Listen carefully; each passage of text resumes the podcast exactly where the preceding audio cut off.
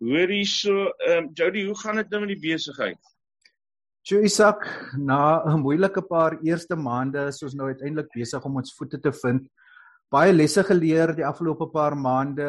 Ehm um, jy weet, dit was vir my 'n nuwe ding om te doen. Ek het geen ervaring gehad nie, so ek was um, baie dependent op my op my broers en susters om hulle ervarings te kry in die winkel. Maar nou na 'n paar maande gaan dit baie beter, baie probleme uitgesorteer. En ja, hopelik kan ons net van sterkte na sterkte gaan. Nou ja, dis nou uh Jody Hendriks van RXG wat so praat. Ons praat so 'n bietjie met hom oor ehm uh, oor 'n winkel wat hy oop gemaak het. Uh en, en dis 'n dis 'n hense uitdaging om so iets te begin. Jody, uh ons is altyd joernaliste en ons weet die wêreld buite verskil uh baie van dit wat on, ek en jy die bril waardeur ons kyk. Hmm. So ehm um, Uh, jy moes baie uitdagings nou oorkom. Het vertel bietjie vir ons daarvan om 'n besigheid te begin. Ja, wel eerstens ons kyk met die agtergrond op COVID-19 waar dit basies die ekonomie en klein besighede lam gelê het. So ek het 'n bietjie van 'n kans gevat, Isak. Um, die tydsberekening het vir my net reg gevoel um laat verlede jaar, vroeg vanjaar. Um ek het die besigheid begin toe ons oor daai die Desember periode nog, ek dink dit was level lockdown 4 was.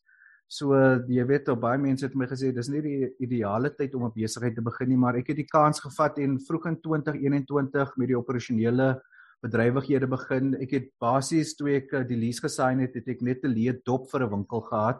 So ek moes iemand gekry het wat vir my die teelwerk kon doen, die verfwerk, wat vir my 'n toonbank kon bou en al daai tipe goed het met uitdagings gekom byvoorbeeld die ou wat vir my die teels gelê het, hy het sommer vir 2, 3 dae nie kom werk nie en dan sit jy daar want jy weet die afleweringe kom oor twee dan jy's afhanklik van die ou om die werk klaar te maak en dan moet hulle uiteindelik toe moes hulle terwyl hulle nog besig was om te teel hier daar van die water en van die produkte gestaan wat ons nou verkoop het.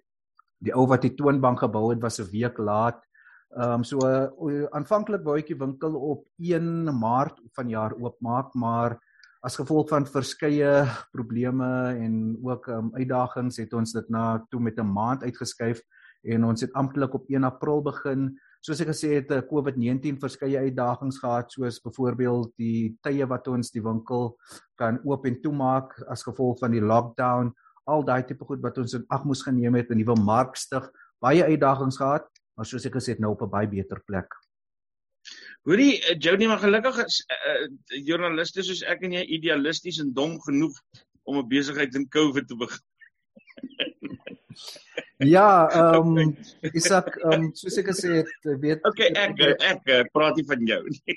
Ja, jy nee, ons gaan nog ons moet nog praat oor jou besigheid wat jy ook in lock, in lockdown begin het, maar uh, kyk, ek dink om 'n besigheid op enige tydstip in Suid-Afrika te begin is 'n groot uitdaging en uh, die feit dat ons homself in COVID begin het was 'n bietjie irrealisties, maar soos ek gesê het, dit was 'n omvang van omstandighede wat vir my net in plek geval het die perseel het ek op die regte tyd gekry, ek het die kapitaal op die regte tyd gekry. My broers en suster was op daai tydste beskikbaar om my te kom help want die besigheidsmodel wat ons gevolg het is tweeledig. So eerstens in Engels praat hulle van 'n convenience store. So jy weet ons wil dit so gemaklik as moontlik ehm um, vir ons kliënte en vir ons customers gemaak het, maar aan die ander kant ook die besigheidsmodel wat ons gevolg het is 'n familiebesigheid en dit is 'n konsep wat ek in 2009 toe ek in op 'n uitruilprogram in Duitsland was baie van die families by wie ek gebly het en van die besighede wat ek besoek het was 80, 90 jaar gelede deur die oupa op 'n grootjie begin en oor die jare en die dekades het dit eh, van die grootste besighede in Duitsland geword en dit het my altyd bygebly en dit gesê dis iets wat ek wou doen.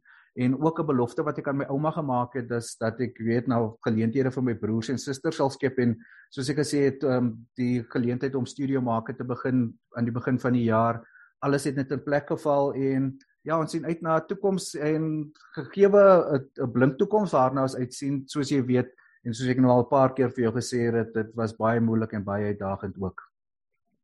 Ek was nou ek was nou al daar by jou in in in studio maak het gewees.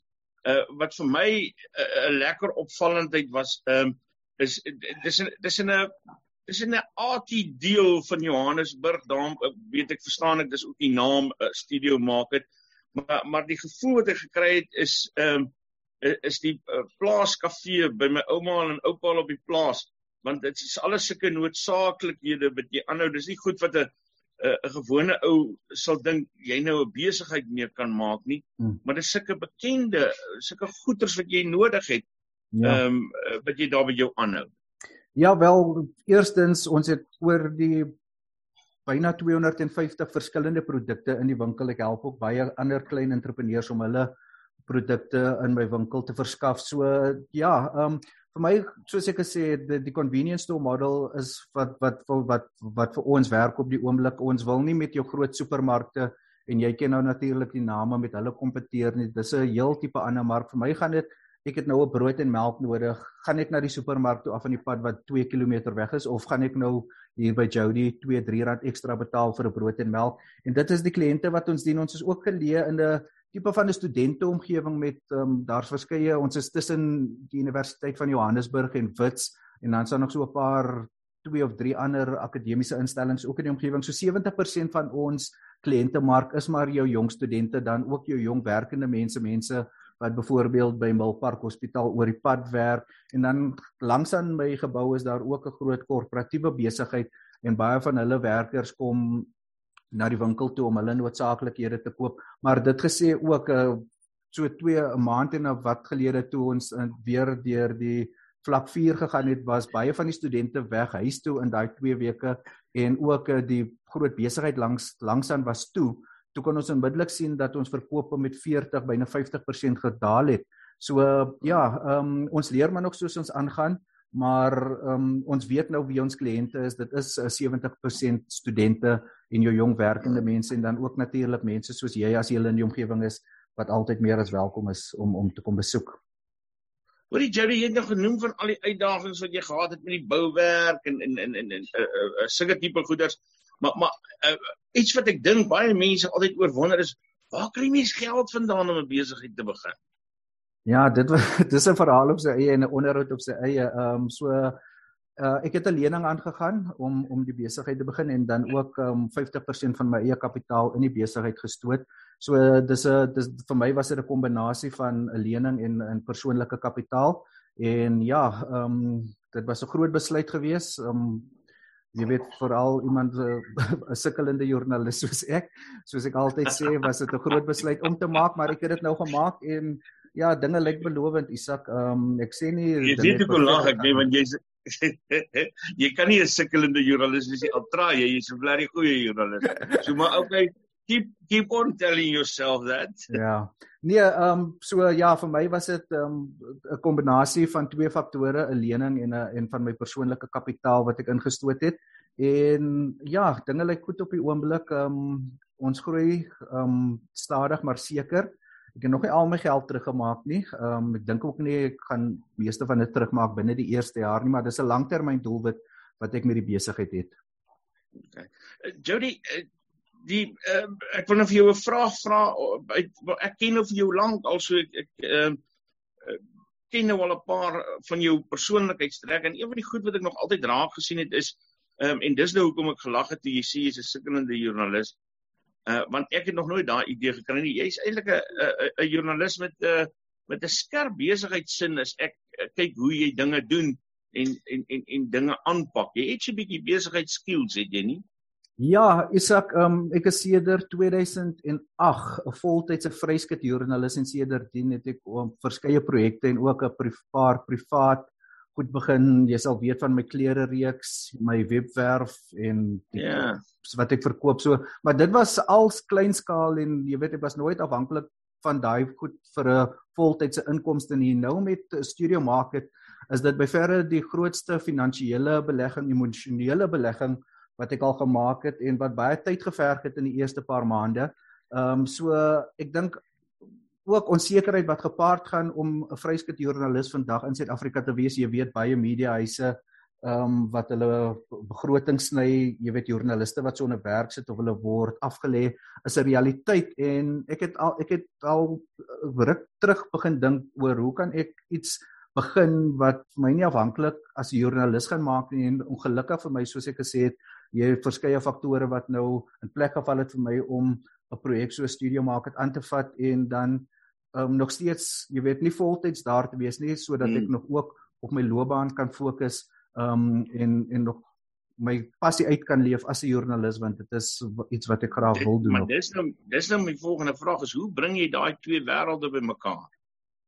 Soos ek weer gesê het, uh, die die besigheidsmodel wat ons gevolg het is tweeledig, so dit is die convenience store model, maar dan ook uh, 'n uh, familiebesigheid. So ek is gelukkig dat ons my suster as 'n konsultant het uh, uit die Kaap uit wat die administrasie vir die winkel doen, die boekhou en al daai tipe goed en dan my broer wat voltyds in die winkel werk. So ek oorsien maar 3 tot 4 ure 'n dag in die winkel as jy weet, ek dink as dit dit is en dit gee dan vir my nog die vryheid om om my lewe of my loopbaan te volg as 'n joernalis, maar ook as die hoofaandeelhouer in die familiebesigheid, um, oorsien ek goed soos die verskaffers, die um finansiële toestand van die winkel, die pryse en al daai tipe goed, maar dit is nie 'n voltydse werk nie. My broer is voltyds in die winkel. Hy doen die, al die operasionele goed. My suster doen die administrasie en uh, gelukkig gee dit vir my dan genoeg tyd om net te oorsien en dan ook nog op my loopbaan as 'n joernalis te fokus, Isak. En jy sê 'n onbekende joernalis nie, ehm uh, die aard van uh, die uh journalistiek wat jy beoefen, radio. Ek is amper uh, so bekend jy... soos jy. Ag, dis 'n mooi kompliment. Dankie man. Ehm uh, maar maar maar ehm uh, gebeur dit soms dat mense by jou winkel inkom en verbaas is dat hulle vir Jody agter die uh, toonbank sien? Nee, ehm um, die waar ek die winkel begin het is nou nie by jou tradisionele teikenmark wat ek dink Afrikaanse media volg nie. So nou en dan hier en daar het daar iemand ingekom en my gevra, so maar soos jy weet, ek het die eerste 3-4 maande nadat die winkel oopgemaak is, dit maar redelik stil gehou tot nou so 'n week gelede wat ek dit nou bekend ja. gemaak het want ek het was besig om my voete te vind. Maar ehm um, ek dink in die huidige konteks van Suid-Afrika, die sukkelende ekonomie en alles wat daarmee gepaard gaan, Isak, ehm um, verstaan mense dat jy jy weet uh die luukse om op een salaris of op een inkomste afhanklik te wees is iets van die verlede. So baie mense ja. het dit um jy weet aangegryp. Baie mense het my boodskappe nou gestuur om gesê dat jy weet hulle is so gemotiveerd en hulle is baie bly vir wat ek doen. Um maar jy weet vir my is dit um ek dink nou wat dit bekend is, dink ek gaan nou baie meer mense die, die afgelope paar dae was daar baie mense wat winkel toe gekom het om te kom sien hoe dit lyk en om vir my agter die toonbank te sien. Ehm um, soos ek gesê het, ek spandeer baie tyd agter die toonbankie, so maksimum 2 ure 'n dag as dit is. Maar ehm um, ja, soos ek sê, dit is nou bekend, mense is meer as welkom om te kom, hallo sê om 'n koffie te drink en wat ook al. Ehm um, en ja, hooplik kan kan studio maak dan net groei en groei. Ehm um, ons teikenmark is maar hoofsaaklik studente, ehm um, soos ek gesê het en hulle hulle lees nie noodwendig koerant of of luister radio of so nie. Hulle hou van hulle eie musiek en hulle eie ding doen en vir hulle gaan dit ook um, oor daai convenience konsep soos ek gesê het. Hulle soek nie iets om ver te gaan loop om 'n koeldrank of iets te koop nie. Hulle soek dit hier en ja. nou en dit is wat ek aan hulle verskaf. Nou ja, dis Jody Hendricks. Jody Hendricks, nie sommer net Jody Hendricks, dis Jody Hendricks van RSG, RSG Sport. Jody, dankie dat jy met ons gepraat het en sterkte met jou winkel. Dankie Isak en ook sterkte aan jou en jou platform Nuuspot. Verkeersboetes behels meer as 'n klein ongerief met minimale gevolge. Jy kan 'n kriminele rekord kry of probleme teekom as jy jou rybewys of motorlisensie hernie. En die metropolisie kan jou by padplakkades lastigval om die boetes te betaal. Fines for you vir minder moeite met verkeersboetes deur hul te monitor en vinnig, wettelik en effektief af te handel sodat jy nie die ongewenste gevolge hoef te dra nie. Ons spesialiseer in groot vlote en streef daarna om jou geld te bespaar. Kontak ons gerus op 011 867 7331 of besoek ons webtuiste by www.finds4u.co.za.